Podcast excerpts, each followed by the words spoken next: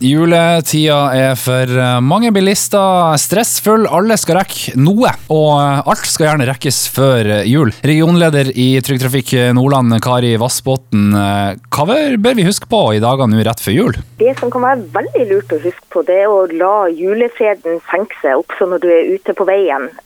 For det er de her siste dagene før jul, det er noen av de dagene der det skjer flest i alle fall småuhell og bulking, bulkeskader på biler.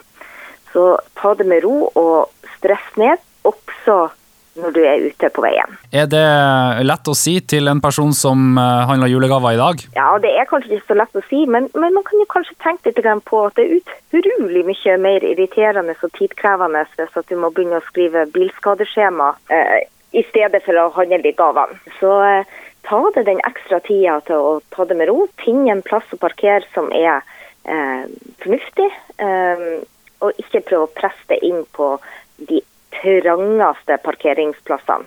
Folk eh, reiser gjerne på juleferie med bil eh, og skal hjem igjen. Har du noe statistikk over hvilke dager som er de mest utsatte dagene? Du nevnte jo litt sånn nå før jul. Ja, nei, altså eh, Jeg har ikke en statistikk på det i, i farta, det har jeg ikke. Men jeg vet at det er det er kombinasjon av stress, kombinasjon av at man har masse i bilen, man har pakka bilen full, og at man skal man skal nå noe, det er en kombinasjon som eh, kan gjøre at man eh, mister fokus på det man skal gjøre når man kjører, og det er nemlig holde fokus på veien. Mm.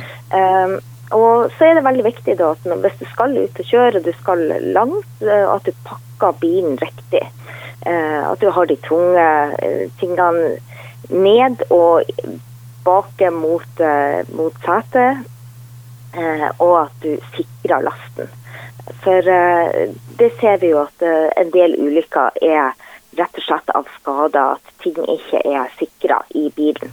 Så hvis du har en, en bråstopp, eller at du er så uheldig at du kjører utfor, eller at du krasjer, så er det eh, risiko for at du blir skadd av eh, det som ligger i bilen. Så du, du vil jo ikke det at julegaven til, til slekta skal være det som skader deg. Så eh, ta og, og vær nøye på, også i jula, at du sikrer alt.